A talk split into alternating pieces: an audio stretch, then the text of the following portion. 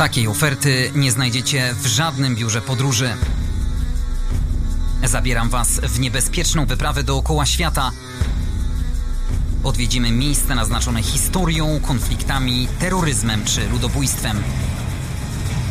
Zapraszam na podcast Jak nie zwiedzać świata. Andrzej Gliniak, dzień dobry. Na liczniku już 56 odcinek. Chylę czoła patronom podcastu KANS, czyli Karkonoska Akademia Nauk Stosowanych w Jeleniej Górze, Entrak, europejski lider wśród dostawców części do maszyn budowlanych, a także Pozbet, profesjonaliści z branży konstrukcji betonowych. Zachęcam do subskrybowania konta podcastu na YouTube oraz Spotify oraz odwiedzania i lajkowania strony Jak nie zwiedzać świata na Facebooku. A dziś czarny ląd i kraj, który niemal każdy kojarzy z najczarniejszymi kartami w historii współczesnego świata. Ruanda. To tam doszło do największego po II wojnie światowej ludobójstwa. W konflikcie plemion Hutu-Tutsi w zaledwie kilka miesięcy zginęło blisko milion ludzi. Miejsce naznaczone piętnem śmierci, niesamowitego bestialstwa, cierpienia niewinnych a przede wszystkim chyba największa porażka ONZ w historii. To miejsce odwiedził mój dzisiejszy gość, Katarzyna Mroczkowska. Dzień dobry. Dzień dobry, witam, cześć. Była profesjonalna siatkarka, wielokrotna reprezentantka Polski, łącząca pasję do sportu z pasją do podróży. Trenerka przygotowania mentalnego w sporcie w podejściu holistycznym, wegetarianka, uwielbia stan bycia w podróży, odwiedza cenne przyrodniczo i ciekawe polityczne miejsca. Kasia, myślę, że włos jeży się na głowie od słuchania samego wstępu. Pamiętasz, ile ty miałaś lat, kiedy w Ruandzie na oczach całego świata przelewała się krew setek tysięcy kobiet, dzieci i mężczyzn? No, byłam w wieku nastoletnim. Y, już nie będę sobie wieku tutaj przypominać, ale rzeczywiście to jeszcze był ten czas, kiedy ja nie byłam y, świadoma tych faktów i, i, i no, raczej nie oglądałam tego w telewizji. Y, natomiast później, trochę później, ja studiowałam stosunki międzynarodowe. Bardzo interesowałam się polityką międzynarodową. No i e, to też poprzez działalność e, aktywistyczną w Amnesty International po prostu e, słyszałam, słuchałam, czytałam o Ruandzie, o tym, co się tam wydarzyło. No i to zostało we mnie i się przypomniało po, po wielu latach. W Polsce to w ogóle były lata 90., więc mieliśmy prawdopodobnie trochę inne problemy. Też nie zapomnijmy Jugosławii, która była chwilę później. E, natomiast e, z pewnością e, ten temat często wracał, chociażby poprzez produkcje filmowe, które 10 lat, około 10 lat po, po, po tym, po prostu po tej po ludobójstwie tak naprawdę zaczęły wychodzić książki, no i ten temat przewijał się, bo, bo nie ukrywajmy, ten, e, ten e, kawałek świata ciągle jest, że tak powiem, niespokojny. Za granicą Ruandy jest Kongo, w którym ciągle, ciągle trwa albo wojna domowa, albo toczą się jakieś inne konflikty. Burundi na południu, które też jest no, niestabilnym politycznie krajem.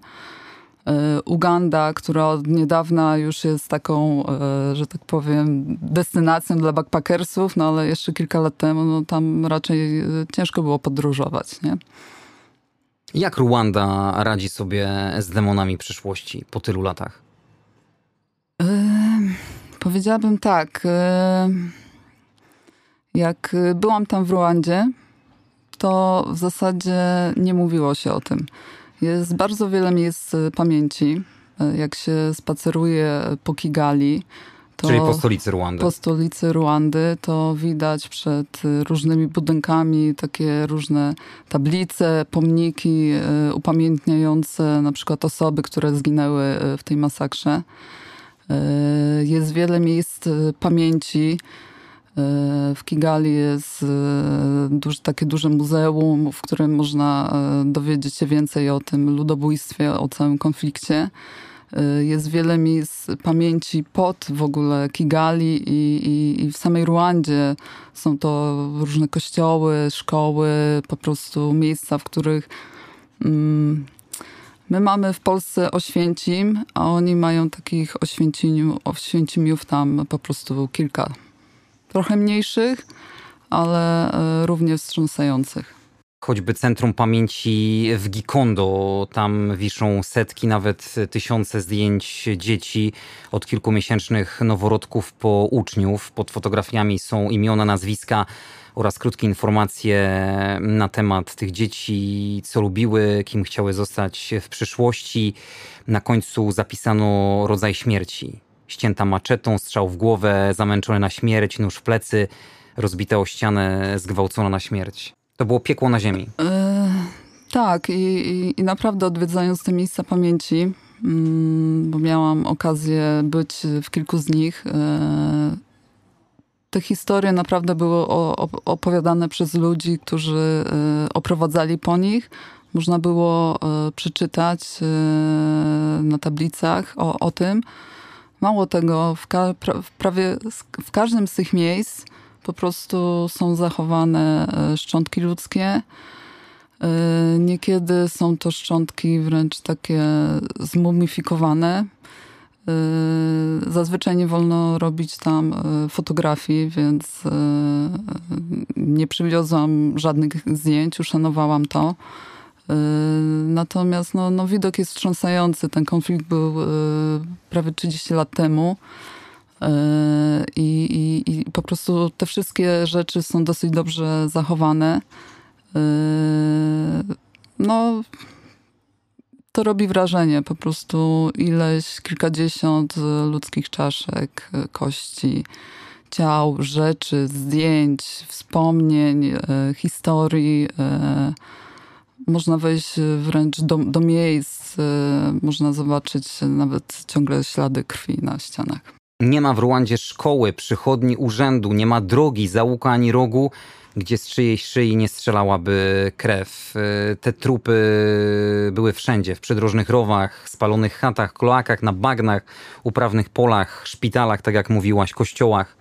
Wszędzie niemali, co, e, co, co niesamowite, sąsiad był w stanie zarżnąć maczetą swojego sąsiada, z którym przyjaźnił się wiele lat. Tylko ze względu na to, że jeden był Hutu, drugi Tutsi. No, nie zapomnijmy, co propaganda robi z człowiekiem. E, my tutaj w Europie też e, tego doświadczyliśmy, być może trochę też ciągle doświadczamy. No taki to, to był wtedy czas. Niektórzy dali się temu porwać. Tak, na, tak naprawdę najbardziej odpowiedzialne były jakieś elity, wyspecjalizowane jednostki wojskowe, może nawet nie wojskowe, ale po prostu policji. Zmilitaryzowana milicja, ta tak, Interhamwe. Dokładnie I, i, jakby to oni wiedli prym w tym całym wydarzeniu. Nie zapomnijmy też, że potem większość Hutu uciekła, bo się bała odwetu Tutsi, więc były też akcje odwetowe. E, były, była wojna w Kongo później, także ten konflikt gdzieś tam ciągle, e, ciągle był obecny e, także w sąsiednich krajach. No i no niestety trzeba być, trzeba mieć zawsze otwarte oczy, nie? Oczywiście społeczność międzynarodowa tutaj nie, przegapiła moment, w ogóle przegapiła przegapiła w ogóle jak to, jak to możliwe, nie? W latach 90., żeby doszło do, do, do czegoś takiego. Yy, mało tego, no, z zachodu też była sprowadzona broń tutaj yy, jeszcze w trakcie ludobójstwa. Także no, ten konflikt y, w Ruandzie no, odbywał się na oczach świata i, i, i nikt jakby nie zareagował. Rządy krajów europejskich, także Stanów Zjednoczonych doskonale wiedziały o planowanej e, eksterminacji. To, o czym też wspominałaś, czyli ta propaganda od wielu miesięcy wtedy i w radiu i w telewizji trwały te propagandowe szczucia na, na Tutsi, których nazywano robactwem. Zresztą przecież za pieniądze rządowe sprowadzono z zagranicy tysiące maczet które potem służyły jako narzędzia do, do mordowania e, Tutsi. E, żaden żołnierz, e, który był tam, który stacjonował w Ruandzie, który w zamyśle miał bronić tych ludzi, stać na czele globalnego pokoju, nawet nie ruszyli palcem, żeby pomóc tym, tym biednym ludziom. No, misja tak zwanych błękitnych hełmów, no to są zazwyczaj misje pokojowe. Oni nie mają nie mają mandatu na to, że, na to, żeby po prostu strzelać. Mogą się jedynie bronić, e, używać broni w obronie własnej. E, no, nie zapomnijmy tego, że, że, że jakby e, ilość, ilość osób zaangażowanych w, ty, w ten konflikt ze strony Hutu była dużo większa niż misja pokojowa ONZ. No i na dłuższą metę tego na, na, nie dałoby się jakby zażegnać. E, no natomiast jest to pewna porażka e, Narodów Zjednoczonych, czy w ogóle świata, jeżeli chodzi o, o ten konflikt. E, jedną z takich mm, przesłanek, która w ogóle przyszła mi do głowy, kiedy sobie pomyślałam, że pojadę do Ruandy. Ja przez pewien czas studiowałam pomoc humanitarną w Warszawie i miałam zajęcia z Małgosią Wosińską ona y, nam opowiadała właśnie o Ruandzie, opowiadała nam o traumie wojennej. I y, ona pojechała tam do Ruandy po prostu y, zbierać świadectwa od ludzi, od kobiet, od dzieci po tym konflikcie. No i opowiadała nam różne rzeczy i, i no, to ciągle ma miejsce. Ten kraj ciągle wydobywa się jakby z tej traumy. E, jeszcze wracając do Twojego wcześniejszego e, pytania, e, jeżeli chodzi o, o Ruandę, to obecnie jakby o tym się trochę nie mówi. Nie? Ja jako osoba, która przyjechała do tego kraju, jako turysta, nie pytałam, kto jest Hutu, to jest Tutsi. Trochę nie chciałam trochę nie chciałam jakby e, się narzucać. Oczywiście jakaś tam ciekawość była, ale raczej e, po prostu chciałam uszanować e, tych ludzi, których spotykałam. Także o tym głośno się nie mówi. Też jak zwiedzałyśmy różne miejsca, bo ja byłam z koleżanką, z Wiolą Szkudlarek osoby, które opowiadały różne historie, e, też jakby unikały takich e, pytań, czy nawet odpowiedzi na pytania, nawet jeśli ktoś był, e, miał na tyle odwagi, żeby, żeby, żeby je zadać. Tak, także na ten moment ten kraj chyba jest bardziej skupiony na rozwoju gospodarczym, na takim jakby na zmianie takiej PR-owej, tak żeby zmianie postrzegania tego kraju. Y, ale jednocześnie ja byłam y, w roku, w którym była 25. rocznica ludobójstwa w Ruandzie, więc taka okrągła rocznica i, i wszędzie, wszędzie była obecna jednak, y, były obecne napisy, czy nawet hasztagi Kwibuka 25. Dla nich to na pewno cały czas e, trauma i z pewnością jeszcze przez e, wiele pokoleń e, będzie o tym mowa, no bo absolutnie nie można takiej tragedii zapomnieć, tym bardziej, że nie ma w Ruandzie chyba rodziny, która nie doświadczyłaby cierpienia podczas ludobójstwa. Nie ma w Ruandzie osoby, która nie żyłaby z takim piętnem, nie tracąc choćby kogoś bliskiego z rodziny. Myślę, że tak. No nie zapomnijmy, że Ruanda jest jednym z najmniejszych krajów w Afryce. Jak sobie spojrzymy na dane w, na przykład w Wikipedii, no to się okazuje, że jest to kraj e, trochę większy od województwa dolnośląskiego. E, to jest w ogóle nie do pomyślenia, bo jest tam tyle rzeczy i miejsc do, do zobaczenia. Wydaje się dużo większy. No i e, jakby ciężko się schować na, taki, na tak małym e, terenie, gdzie e, żyje 13 milionów bodajże ludzi obecnie. No a po tej masakrze, no jednak no, każdy miał kogoś bliskiego, sąsiada, rodzinę, no tego nie dało się uniknąć. Już nie ma tych rozgraniczeń między Hutu, Tutsi, oni to starali się zunifikować nawet y, w dowodach osobistych. Nie jest już y, wpisane z jakiego plemienia pochodzi dany Ruandyjczyk.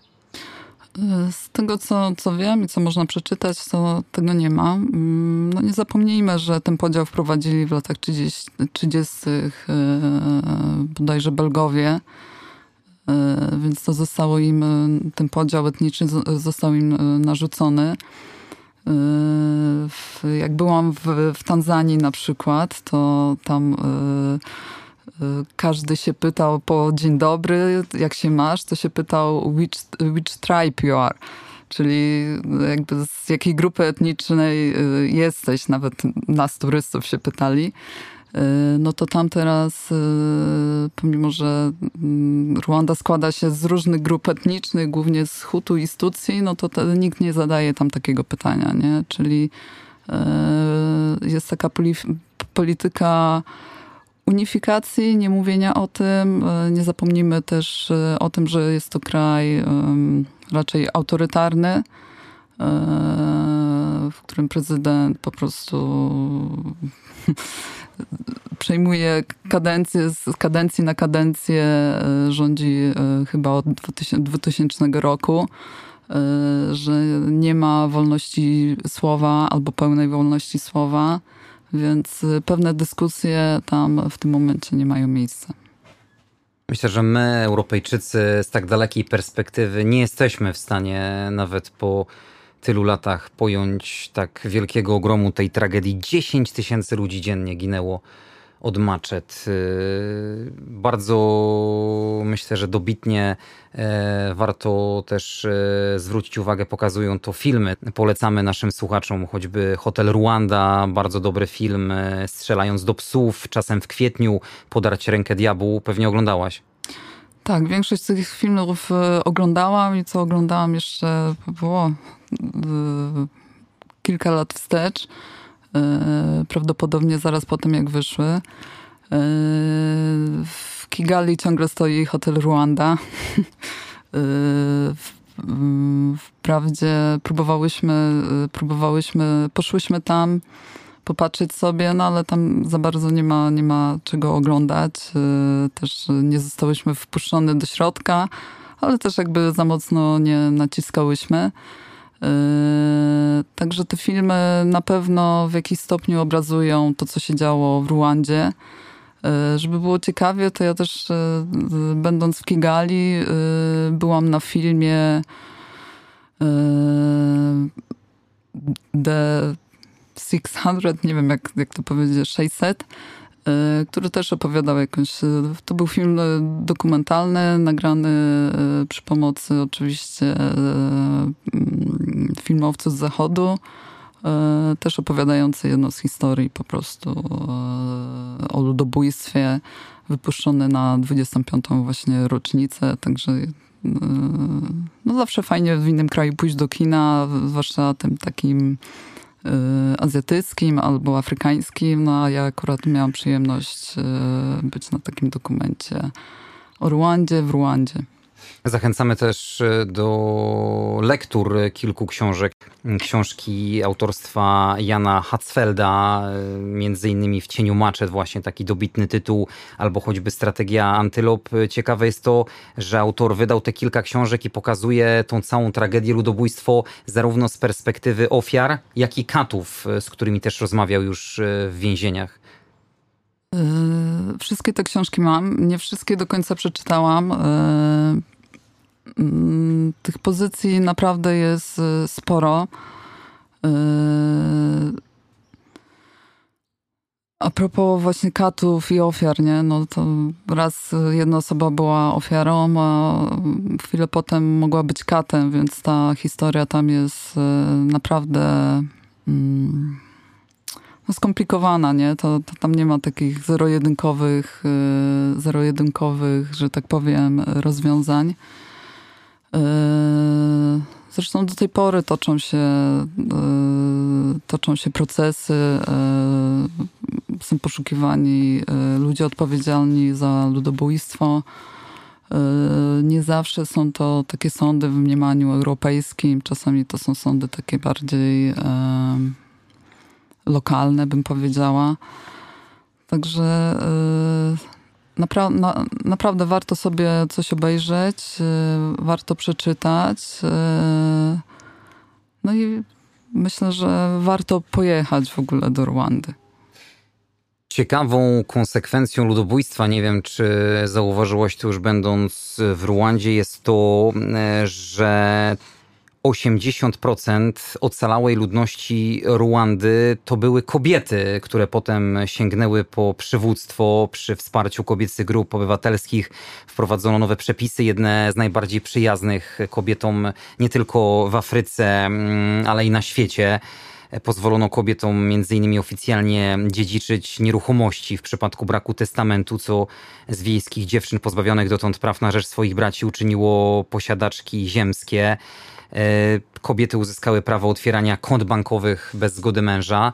Może tak do końca nie widać tego e, na ulicach, ale rzeczywiście e, ja czułam tą dużą obecność kobiet. Te kobiety dosyć nagle musiały nie, nie tylko jakby zmagać się z traumą, yy, musiały zapewnić wyżywienie swoim, swoim rodzinom, często musiały same uciekać, często też yy, padły ofiarą przemocy, yy, no ale potem musiały się yy, odnaleźć w tym nowym świecie, w świecie, w którym wcześniej za wszystko odpowiadał mężczyzna. No i ta aktywność kobiet rzeczywiście jest widoczna, jest obecna. Jest dużo inicjatyw, które e, pomagają w ogóle kobietom. Pomagają sobie, pomagają im radzić nie, nie tylko e, jakby z tym, co przeżyły, no bo to też tak jest, że, że ta trauma przenosi się z kobiet na dzieci potem, nie? I to idzie z pokolenia na pokolenie. Więc nie, nie tylko radzić sobie jakby z tymi przeżyciami, ale też z życiem codziennym. Ja na przykład brałam udział e, w takiej lekcji e, gotowania. E, taka wiejska, jakby to nazwać, inicjatywa, oczywiście wspomagana, jakby, czy inicjowana przy pomocy osób z zachodu, czy osób, które były na zachodzie. I można skorzystać z wielu takich kulturalnych y, aktywności, y, które dają kobietom y, zajęcie, pracę, a jednocześnie można wejść do takiego domu na wsi. Można ugotować sobie i zjeść posiłek taki tradycyjny, no bo tam się, no, nie ukrywajmy, gotuje się na ogniu, na kilku szczepkach drewna. W, nie ma bieżącej wody. Woda jest, że tak powiem, gdzieś tam przynoszona skądś w baniaku. Y, żeby było śmiesznie, zapisałyśmy się w ogóle takie uradowane, że pójdziemy na lekcję gotowania. Wow, sobie coś fajnego ugotujemy, nie? Okazało się, że tu przyszłyśmy w ogóle otoczyło nas, nie wiem, z dziesięć kobiet pięknie ubranych w te kolorowe suknie, w ogóle uśmiechniętych, bardzo miłych. Niewiele oczywiście mówiących po angielsku, więc głównie komunikowałyśmy się albo na migi, albo poprzez uśmiech, e, albo poprzez przewodnika, który Mm, tak naprawdę był lokalnym szamanem, jakąś osobą taką ważną w tej społeczności. No i co? No i okazało się, że ubierałyśmy przez, ponieważ gotowałyśmy dla wszystkich, nie tylko dla siebie, więc to był duży gar i obierałyśmy przez dobre e, pół godziny, jak nie prawie godziny ziemniaki. Także śmiałyśmy się, że pojechałyśmy do Ruandy sobie po, pobierać ziemniaki i, i jakieś warzywa. Y, no i potem mogłyśmy to sobie zjeść. A skoro już nawiązałaś do tematów y, kulinarnych, próbowałyście jakichś y, lokalnych potraw? No właśnie, ja sobie próbowałam przypomnieć coś takiego charakterystycznego dla Ruandy i dla mnie nic takiego nie było. Ja też jestem wege, więc e, ja pewnych rzeczy unikam, czy nawet e, nie zwracam uwagi na pewne rzeczy. Czyli Takie... mięsa z górla byś nie tknęła? Absolutnie. Tak jak w Tanzanii na przykład jest ugali, czyli taka kulka z, z, zboża, czy tam mhm. z pszenicy, nie pamiętam, którą je się rękoma, macza się w czymś tam i tak dalej. I to jest takie bardzo charakterystyczne. No to w, w, w Ruandzie tak e, nie, nie było takiego dania, które, które tak jadłyśmy. E, w Kigali było fajnie, bo tam mają taki lunchtime e, między 12 a 14. Można sobie pójść do restauracji, albo jeszcze lepiej do takiej naprawdę takiego miejsca dla lokalsów, które gdzieś jest na, na uboczu. I wtedy wystawiają kilka półmisków, w których są gotowane różne warzywa, ziemniaki, jest mniej ryżu tak naprawdę, fasole i, i czasami jest mięso. I to można tak naprawdę jeść do woli. Czyli można się na, najeść potąd i to jest świeże, bardzo pyszne. Yy, czyli taki, bardziej takie lokalne warzywa e, aktualnie dostępne, które można sobie tam zmieszać yy, z jakąś potrawką, na przykład z fasoli, bo oni tam e, dużo jedzą właśnie strączkowych. Yy, było dużo awokado, pysznego awokado. Próbowałyście to wszystko na tych e, street foodach, czyli tej esencji kulinarnej każdego kraju? Yy, tak, właśnie też nie było za dużo takiego street foodu, jak mamy w Azji, nie? Że, że tam każdy idzie z wózeczkiem i tam można sobie coś wziąć. Yy, tego nie było raczej w Ruandzie. Natomiast mia, miałyśmy taką sytuację, że byłyśmy w jakimś tam miejscu turystycznym, no już chciałyśmy zjeść jakiś obiad, no i weszłyśmy do restauracji takiej dla turystów. E, no tam oczywiście jakieś wycieczki zorganizowane i tak dalej. No i tak patrzymy w te menu, nie dość, że drogo, to jeszcze, to jeszcze po prostu same mięso, nie? I mięso, i mięso, i mięso. No i wyszłyśmy stamtąd, bo uznałyśmy, że może coś znajdziemy, nie ma co zjeść. I, i słuchaj, yy, po prostu zajrzyłyśmy tylko za róg a tak jakby w podziemiach y, tego miejsca w ogóle była taka właśnie lokalna e, restauracja, taka naprawdę z plastikowymi stołami, gdzie europejski sanepid na pewno by nie pozwolił na jej e, funkcjonowanie i tam e, no, można było naprawdę fantastycznie zjeść. Także czasami, czasami trzeba tylko się rozejrzeć dookoła i, i, i, znajdzie się coś, coś fajnego, co, co, co też jest war, warte spróbowania. Ale takiego street foodu, jaki, o jakim myślimy, to, to tam było mało. Niemal pół odcinka poświęciliśmy mówiąc o tych e, tragicznych e, kartach w historii Ruandy, czyli o ludobójstwie, ale paradoksalnie Ruanda obecnie jest jednym z najbezpieczniejszych krajów e, afrykańskich jak na warunki czarnego lądu Ruanda, a przede wszystkim stolica Kigali robi naprawdę imponujące wrażenie. Niesamowity rozwój, komfortowe hotele o wysokim standardzie, centra handlowe, biurowce, stadiony, lotniska. Ruanda rozwija się szybko i dynamicznie. Tak, e, Kigali. Kigali to mi się kojarzy z takim trochę fajnym hipsterskim miejscem. Czyli takim e, jest bardzo czysto. Mm, rzeczywiście, ja byłam przed pandemią, zaraz przed pandemią, czyli w 2019 roku.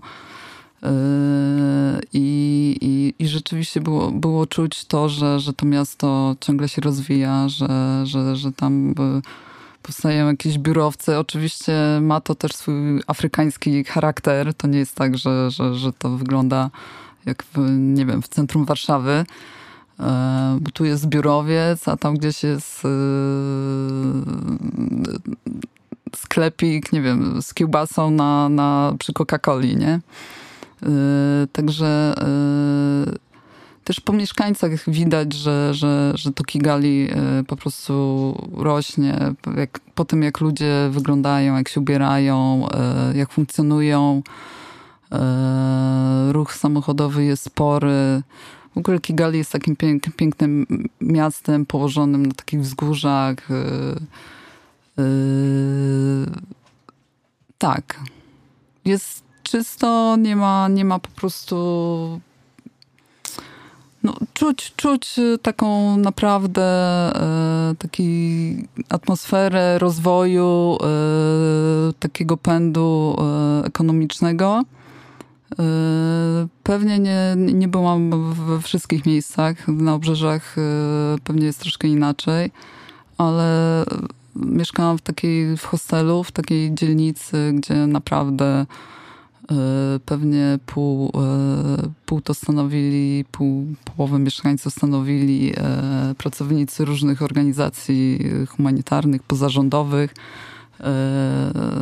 lokalsi albo zagraniczni i, i, i, i naprawdę był spokój i, i, i było dużo zieleni i, i były te wszędzie śpiewające ptaki. Naprawdę piękne miejsce. E, ciekawe w Ruandzie jest też to, że, że ten kraj, w tym kraju e, zakazane są jakby zakazany jest plastik, ale czyli nie ma, nie ma reklamówek, nie ma tych wszystkich zrywek. Yy, gdzieś tam na blogach jest napisane, że, że wręcz po przylocie może być przeszukany twój bagaż. Jak narkotyki ścigane z taką determinacją. No, w ogóle tam jest taka, nie wiem, jakby mafia plastikowa, w sensie, że, że tam jednak, yy, no, no wiadomo, nie, że, że ten plastik gdzieś tam jest yy, czasami potrzebny. Yy, no i tam potajemnie, czy tam na czarnym, czy w szarej strefie gdzieś tam ciągle, ciągle to, to zapotrzebowanie na, na, na reklamówki jest. No jak, jak się idzie do knajpy w Kigali, oczywiście takie, to, to, są takie bardziej hipsterskie miejsca, no to dają ci taką właśnie metalową słomkę, nie żadną yy, plastikową czy papierową, udającą papierową. Yy, no, jest, jest kilka takich ciekawych smaczków yy, w Ruandzie. Rzeczywiście, chodząc ulicami Ruandy, nie ma się czego obawiać? Tak, ja, ja czułam się tam bardzo bezpiecznie. Nawet nie, chyba to był najbezpieczniejszy dla mnie kraj, w jakim byłam. Oczywiście, jak tam jechałam, to, to, to, to tego nie wiedziałam możemy sobie przeczytać, czy na stronach MSZ-u, czy na jakichś blogach, że gdzieś jest bezpiecznie, gdzieś jest niebezpiecznie i tak dalej, ale dopóki nie pojedziesz, nie dotkniesz tego, e, to tego nie wiesz. Ja czułam się bardzo komfortowo. E, e, nie spotkała mnie chyba żadna sytuacja, która, w której czułabym się niefajnie. Yy, super. Po prostu i, i podróże, podróże lokalnym transportem, gdzie spokojnie mogłam bagaż zostawić, co, nie, co jak wiemy nie wszędzie jest możliwe. I uprzejmi ludzie i, i w ogóle uśmiechający się do ciebie yy, ludzie i, i nawet podróże motobajkami, których niektórzy używają taksówek. Ja uwielbiam, jak mnie ktoś podwozi motobajkiem, mototaksi, e, czyli po prostu takim motocyklem, na którym można sobie usiąść e, za kierowcą. E, czasami trochę szalone, ale generalnie też całkiem bezpiecznie. Także tak, spałyśmy często w namiotach, gdzieś tam w takich miejscach kempingowych i w ogóle nie miałyśmy takiej obawy, że ktoś nas okradnie, napadnie, czy coś się stanie. A jak reagowali Ruandyjczycy na was, na turystki? Oni traktowali was jako swego rodzaju egzotykę, czy jednak tych obcokrajowców jest sporo aktualnie i w Kigali, i w innych miejscowościach? Może nie byłyśmy egzotycznym zjawiskiem, bo tam nie zapomnijmy, że tam jest pompowana duża pomoc międzynarodowa, więc ludność miała styczność jakby e, z osobami e, z zachodu. E, natomiast niewątpliwie nasz wzrost i to, że, że, że, że byłyśmy kobietami, że podróżowałyśmy z plecakiem, bo tak wbrew pozorom nie ma tam zbyt wielu backpackersów, E, wywoływało sympatię, czasami nawet e, na ulicy ktoś się do nas uśmiechnął, dało się pogadać. Albo... Ale zaczepiali was z pytaniem, czy jesteście sportsmenkami, czy może siatkarkami, koszykarkami? Nie, nie, no aż tak to nie. To raczej, to jest raczej w kategoriach, y, że skąd jesteśmy, my, że z Polski, czyli from Poland. A, Holland. Więc y, nie, tutaj raczej nikt nas nie kojarzył ze sportem. Zresztą tak jak mnie zapytałeś teraz, to w, w większości tych krajów nikt nas nie kojarzył ze sportem. Czyli bardzo pozytywne odczucie, jeśli chodzi o spotkania z lokalną ludnością. Tak, dla mnie bardzo pozytywne. Ja sobie zawsze to bardzo cenię. E, to jest dla mnie też taka część w ogóle podróży, jak mam styczność z lokalną społecznością, jak mogę sobie posiedzieć na przystanku i po prostu poczekać na autobus i patrzeć na to, co się dzieje, e, podróżować lokalnie, e, czy nawet po prostu siedzieć na bezdrożu i czekać, aż nadjedzie w końcu jakiś autobus i, i, i nie wiem, podjadać, tak jak miałyśmy okazję, awokado, bo, bo ktoś przechodził i, i po prostu mogłyśmy sobie to, nie wiem, poczęstował albo kupił. No, dla mnie to są takie, takie e, najlepsze momenty i, i, i trochę po to, po to podróżuję, nie? żeby tam pobyć, E, nie po to, żeby zaliczać kolejne atrakcje, które gdzieś tam przy okazji oczywiście e, odwiedzam, chcę, chcę też zobaczyć, natomiast ten taki stan właśnie bycia w podróży, kontaktu e, z tym lokalnym vibe'em jest dla mnie najważniejszy. Skoro o atrakcjach wspomniałaś, co jeszcze ciekawego w samym Kigali można zobaczyć? W Kigali, w Kigali można się napić dobrej kawy. Yy, naprawdę dobrej.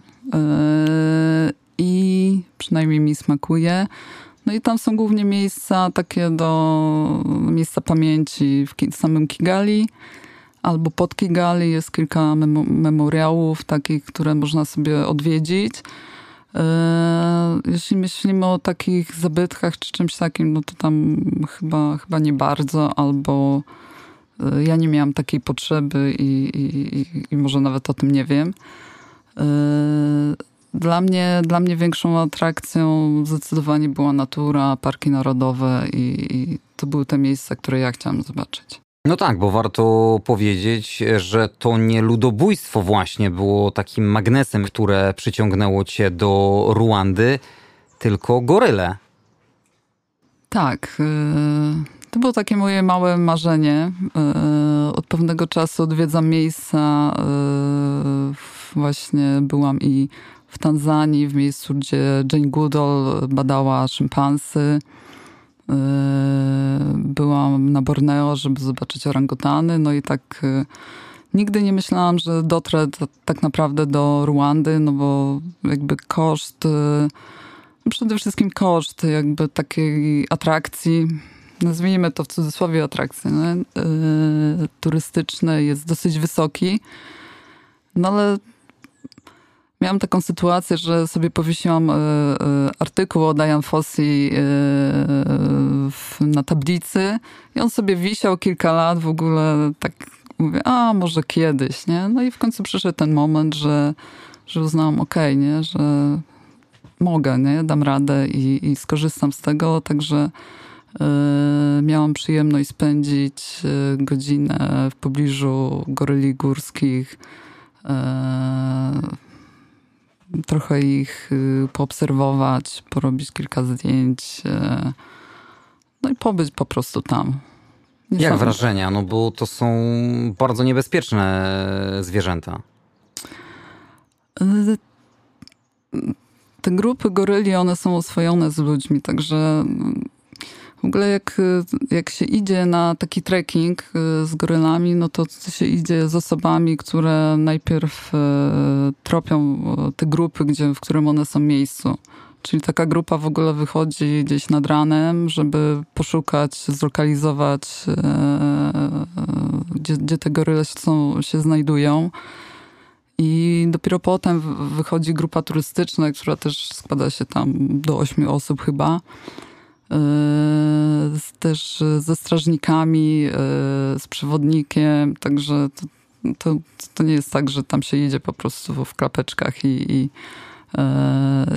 ścieżką i tam się gdzieś tam widzi, widzi te zwierzęta. Tylko normalnie się idzie... Zorganizowana wycieczka. Tak, ale idzie się, normalnie trzeba się odpowiednio ubrać, odpowiednio, czyli nic jaskra jaskrawego, raczej takie kolory stonowane, zielony, czarny. Yy,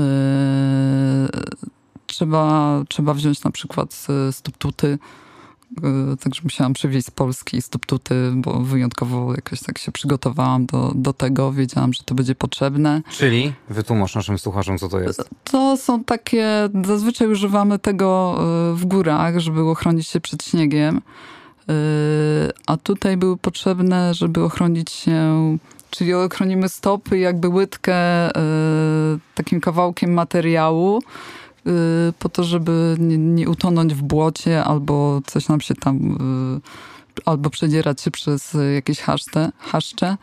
I, no i taką grupą po prostu wędruje się do, do goryli. Czasami jest to godzina, a czasami może być to 5 godzin. My miałyśmy taki taki krótszy trekking e, e, przez taki haszcze trochę, bambusy, bo generalnie goryle siedziały w bambusach i tam trzeba było je po prostu znaleźć. Zostałyśmy do nich, że tak powiem, doprowadzone i, i było też tak, że one tam hasały i, i prawie przebiegały ci pod no, po, po, po, nogach, natomiast trzeba było zachować po prostu spokój, nie?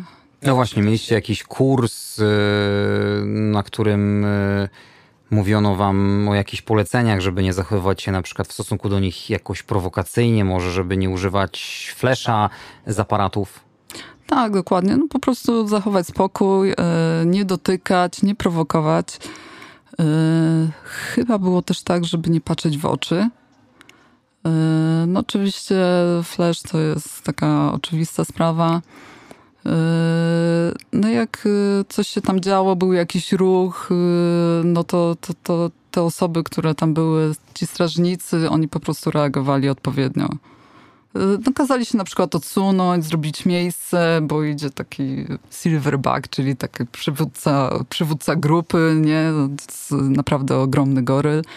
I, i, i, albo zmieniają po prostu miejsce, bo one siedzą i generalnie jedzą zielone i jak już się najedzą, to idą na przykład w inne miejsce, na dżemkę albo, albo gdzie indziej pojeść. No i wtedy trzeba było ro robić miejsce dla nich, żeby one przeszły, nie? Także one raczej nie, nie, nie reagują na ludzi, nie atakują ich. Nie są agresywne. Nie są agresywne. No chyba, że pewnie zostaną sprowokowane, nie? Ja jakoś nie, nie czułam w ogóle strachu, w ogóle nawet o tym nie myślałam. Czułam się też mm, jakby za, zaopiekowana przez, od tej strony takiej organizacyjnej. Nie bałaś się ani przez chwilę? Bo jednak spotkanie oko w oko z takim gigantem, bo niektóre rzeczywiście spore rozmiary nie, no, mają. No, nie jest to King Kong, nie?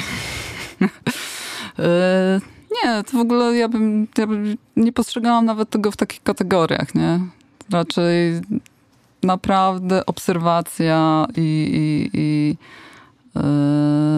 po prostu to, że można tam pobyć, popatrzeć, no bo, bo to jest ginący gatunek. Yy, tych goryli zostało około tysiąc. Yy, na szczęście ta populacja powoli się gdzieś tam zwiększa, no ale nie zapomnijmy, że to są dwa miejsca w świecie, w których można je spotkać, czyli Ruanda na granicy z Kongo, a wiemy, że Kongo ciągle w, w, tych górach Wirungi, tam działają różne grupy zbrojne, tam nie jest bezpiecznie. Partyzantki. Partyzantki, e, no kusownicy przede wszystkim też i, i druga taka, taka, takie miejsce to jest e, w Ugandzie. Także jedynie w tych dwóch miejscach można zobaczyć te zwierzęta, E, no, które są ginącym gatunkiem i, i, i, to jest chyba bezcenne, że, że, że mogłam pobyć tam i sobie poobserwować. Koszty takiego spotkania z gorylami są rzeczywiście wysokie? Mm, to jest bardzo wysoki koszt. To jest chyba najdroższa przyjemność, e, na jaką Jaka kiedykolwiek się spotkała w tak, życiu. Pozwoliłam, bo Dżentelmeni nie rozmawiają o pieniądzach, no ale musimy, żeby też uświadomić naszym słuchaczom, którzy mieliby ochotę na taką wyprawę, z jakimi kosztami muszą się zmierzyć? Od strony y, Ruandy koszt takiej, takiej atrakcji to jest 1500 dolarów. Mm, to jest dużo. Dla mnie to jest dużo. Aczkolwiek wydałam tu pieniądze z czystym sumieniem, bo wiem, że to są pieniądze po to, żeby ratować też ten gatunek. Od strony Ugandy y, ten koszt jest y, połowę mniejszy, przynajmniej jakiś czas temu tak było. Więc też można próbować jakby od tej ugady, ugandyjskiej strony. Zresztą też są organizowane takie tury, bo to jest, wszystko jest blisko siebie dosyć i są takie organizowane po prostu wycieczki, że jeden dzień tu, drugi dzień tam. Eee, no właśnie, wasza wyprawa była jednodniowa, czy nocowaliście tam gdzieś na miejscu, na łonie natury? Eee, nie, my mieszkałyśmy w, w takim miejscu w Red Rock Cultural Center. Eee, tam sobie spałyśmy w namiocie, który tam był użyczany turystom na potrzeby noclegowe. E, korzystałyśmy między innymi wtedy z tej, z tej, e, z tej cooking class, czyli z tej lekcji gotowania. I tam też po, po, pomogli nam załatwić wszelkie formalności związane z tą wycieczką e, do goryli. Także z, trekkingiem do grobu Diane Fossey, która, która po prostu tam miała swoją siedzibę. No właśnie, powiedzmy w dwóch zdaniach też na temat tej osoby naszym słuchaczom. E, to była kobieta, która, e, która zajmowała się po prostu, była bada, badaczką, bada, badała zachowania goryli. E, no i w pewnym momencie stała się też taką mm, obrończynią tych zwierząt, no bo kusownictwo, kusownictwo było dosyć dużym problemem. E, no i ona angażowała się w różne inicjatywy, które miały na celu jakby zapobieganie temu, ale też e, angażowała się w to, żeby propagować na świecie w ogóle wiedzę o gorylach górskich. Także National Geographic i te sprawy, filmy, zdjęcia, różne wystąpienia. No i po prostu została zamordowana, nie? Komuś nie pasowało, do końca, do końca dzisiaj, do dzisiaj nie jest to wy, wyjaśnione. Y, komuś nie pasowało to i po prostu została zabita w, właśnie w swojej chacie. Y, w tym momencie y, można zrobić trekking do, do, do miejsca, w którym ona prowadziła te badania, w którym jest jej grup. Natomiast no, tam pra praktycznie nic nie zostało. Są same, same tabliczki. E, no bo jak było ludobójstwo i ludzie uciekali, to po prostu e, zabierali wszystko, nie? Czy to na opał, czy no, potrzebowali też e, jakby przeżyć, nie? Więc jakby to wszystko uległo zniszczeniu. Ale jest to też takie może bardziej sentymentalne miejsce, ale cieszę się, że tam byłam i w ogóle miałam przyjemność. Y, moim przewodnikiem był jeden y, z takich bardziej chyba znanych tam przewodników, czyli szanowanych, o tym się dopiero potem dowiedziałam, który jeszcze współpracował z Diane Fossey, więc jak był młodym człowiekiem, więc to też taka fajna historia i trochę szczęścia miałyśmy. No, byłam na takim jednodniowym safari. Mm, w zasadzie nie planowałam tego, ale, e, ale można było taką, taką rzecz e, z, zorganizować e, z Kigali. Akagera National Park, położona przy, przy, przy granicy z Tanzanią. No i tam można zobaczyć po prostu i żyrafy, i zebry, i hipopotamy, i ptaki, i co jeszcze widziałam? Różne gazele. Yy, czytałam, yy, czytałam, że też yy, powoli są wprowadzane nosorożce, wprowadzane są koty, czyli lwy, czyli jakby ten ten park, który też ucierpiał w trakcie ludobójstwa i w ogóle różnych konfliktów, też zaczyna być takim miejscem, w którym te, te, te gatunki zaczynają na nowo być wprowadzane.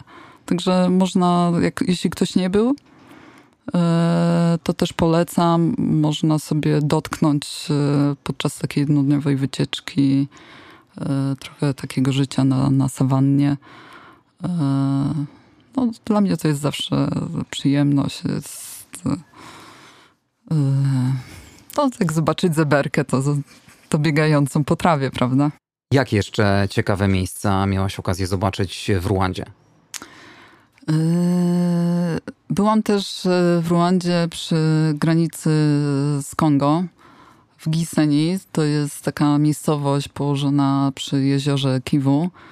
Yy, no na pewno ciekawe jest to, że, że to miejsce znajduje się bezpośrednio przy granicy e, z Demokratyczną Republiką Kongo, e, która jak wiadomo dla osób, które się interesują, tak jak ty, polityką czy, czy różnymi takimi wojennymi rzeczami, jest atrakcyjnym miejscem, bo bo tam się dużo dzieje. Oczywiście to nie jest tak, że tam można sobie podejść czy, czy przejść.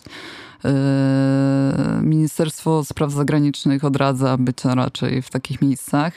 I też jak sprawdzałam, to, to ten alert jest ciągle aktualny. Można, można zrobić sobie wycieczkę łodzią po jeziorze Kiwu i sobie jakby podpłynąć trochę do tej granicy z Kongo. Przewodnik tam oczywiście opowiada o różnych rzeczach. Jezioro Kiwu jest o tyle interesujące, że jest to tykająca bomba e, z pokładami e, metanu na dnie i, i, i e, bodajże dwutlenku węgla. W ogóle na jeziorze są platformy, które, które jakby wydobywają ten metan. Nie wiem, jak to technicznie wygląda. Trochę jakby je tak rozszczelniając, nie wiem jak to nazwać, żeby, żeby, żeby nie wybuchło. Mm, jest to też jezioro położone w ogóle na wysokości 1600 metrów, nie? więc e, też te, te wysokości są trochę inne. Też będąc tam chciałam, chciałam pójść e, do kopalni kobaltu bodajże. E, na jakimś tam starym folderze była taka opcja, ale jak się zapytałam pana, to, to powiedział, że, że, że nie, że w ogóle się nie da, że to nie, nieaktualne. Nie, nie, nie zapominajmy, że to jest jeden z rzadkich metalów, dzięki którym, e, któremu używam naszych e, super smartfonów i który jest wydobywany na granicy Kongo i Ruandy i jest zarzewiem też jakby różnych konfliktów, e, przemytu e, i ciemnych interesów. E, tak, łącznie z wykorzystywaniem ludzi. Też ciekawe było to, że jak wędrowałam po Giseni, po, po, po takich po takim lokalnym wzgórzu, gdzie, gdzie mieszkali miejscowi, to na domach były takie e, plakaty mówiące właśnie o pandemii eboli, nie? Jakie są objawy, że trzeba myć ręce, że, że e, żeby się zgłaszać do, do służb medycznych, e, podane numery telefonu, no i, no i pół roku później taka sama sytuacja była u nas tutaj, prawda? się zaczęła nasza pandemia, że tak powiem, z COVID-em, e, no to też było takie prorocze, zwłaszcza jak teraz, e, teraz e, po jakimś czasie się ogląda takie, takie zdjęcia. Poza samym Kigali widać też te ślady ludobójstwa. Czy są jakieś pomniki, krzyże, może czaszki? Wiesz co? Chyba nie. Znaczy, albo ja nie zwróciłam uwagi tak bardzo na to. Mm, są też, y, bo te memoriały są nie tylko w Kigali, ale można je też w różnych innych miejscach, większe lub mniejsze, po prostu spotkać. I chyba raczej w tych miejscach pamięci są gromadzone różne rzeczy bo one ciągle są odnajdywane, więc no to jest ciągle aktualna sprawa. Było coś, co w Ruandzie szczególnie cię zdziwiło, zainteresowało, zszokowało wręcz nawet? No, zszokowało mnie, zszokowała mnie łatwość podróżowania i, i na pewno ten aspekt bezpieczeństwa. E, bo naprawdę czułam się bardzo swobodnie. Oczywiście nie jest tak, że gdzieś szwendałam po nocy, e, chodziłam na jakieś imprezy. E, czyli przy takim podstawowym po prostu zachowaniu zasad bezpieczeństwa naprawdę można tam swobodnie podróżować i, i to było dla mnie takie no naj, najbardziej chyba szokujące. No chyba te goryle są takim miejscem, które, które jest e, naprawdę unikalne e, i które, którego no, nigdzie na świecie indziej nie ma, nie? E, a jeżeli chodzi o takie życie codzienne, no to ja będąc wcześniej w Tanzanii, też w Azji, no to wygląda podobnie, tylko z trochę innym akcentem. Mówiłaś o kwotach, które trzeba zapłacić e, za spotkania e, z gorylami. A jak wyglądały koszty całej wyprawy do Ruandy? Bo myślę, że e, większość tej sumy generuje chyba sam lot. No właśnie przypomniałam sobie cenę lotu i myślę, że ona byłaby podobna do dzisiejszej ceny. Znaczy ja jakoś mega wcześniej nie Czyli jakie to są e, No ja kwoty? zapłaciłam e, chyba e, 3,5 tysiąca za, za, za bilet, co ciekawe z Katowic, z przesiadką, natomiast e, myślę, że teraz e, te koszty są podobne, jeżeli ktoś wcześniej kupi, kupi bilet, bo jak tam sobie wygooglujemy na, na przyszły tydzień, no to oczywiście, że zapłacimy majątek, nie? Także ten bilet jak, nie był jakoś y, mega tani, y, no ale też y, ta podróż miała dla mnie jakiś cel i była jakimś tam spełnieniem marzeń, więc po prostu inwestycją. Można oczywiście szukać tańszych opcji. Y, podróżowanie po kraju, można korzystać z lokalnego transportu, można y, korzystać y, z hosteli. Hostele wprawdzie są chyba tylko w większych miastach, w Kigali. Można z tańszych noclegów pod namiotami korzystać.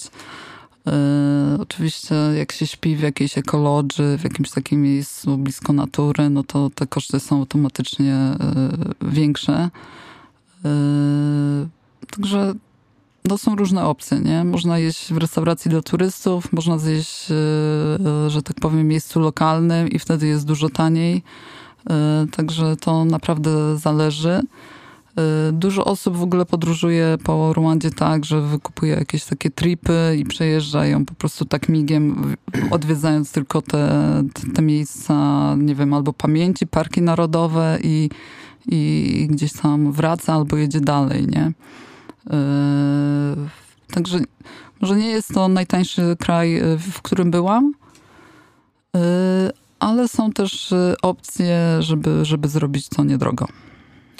Kasia, dziękuję Ci bardzo za wizytę. Było mi bardzo miło. Niedługo minie 30 lat, rocznicę od ludobójstwa. To będzie w przyszłym roku, w 2024. E, na pewno trzeba żyć dalej i tak e, z pewnością sądzą mieszkańcy Ruandy, ale nigdy nie można zapomnieć. I... Tak, życie toczy się dalej. Ten kraj y, się rozwija na tyle, jakie okoliczności są tam y, dostępne. Na pewno jest to kraj nieduży, kompaktowy, który spokojnie można z, jakby zwiedzić w trakcie jednego wyjazdu. Yy, także ja serdecznie polecam i dziękuję Ci za zaproszenie i za to, że mogliśmy chwilę o, o, o Ruandzie porozmawiać. Katarzyna Mroczkowska była moim gościem, który odwiedziła Ruandę. Dziękuję bardzo. Dziękuję również. Tradycyjnie zapraszamy do odwiedzenia facebookowej strony, do subskrybowania konta podcastu na YouTube oraz Spotify. My Słyszymy się w kolejnym odcinku podcastu Jak nie zwiedzać świata. Andrzej Gliniak, dziękuję. Pozdrawiam.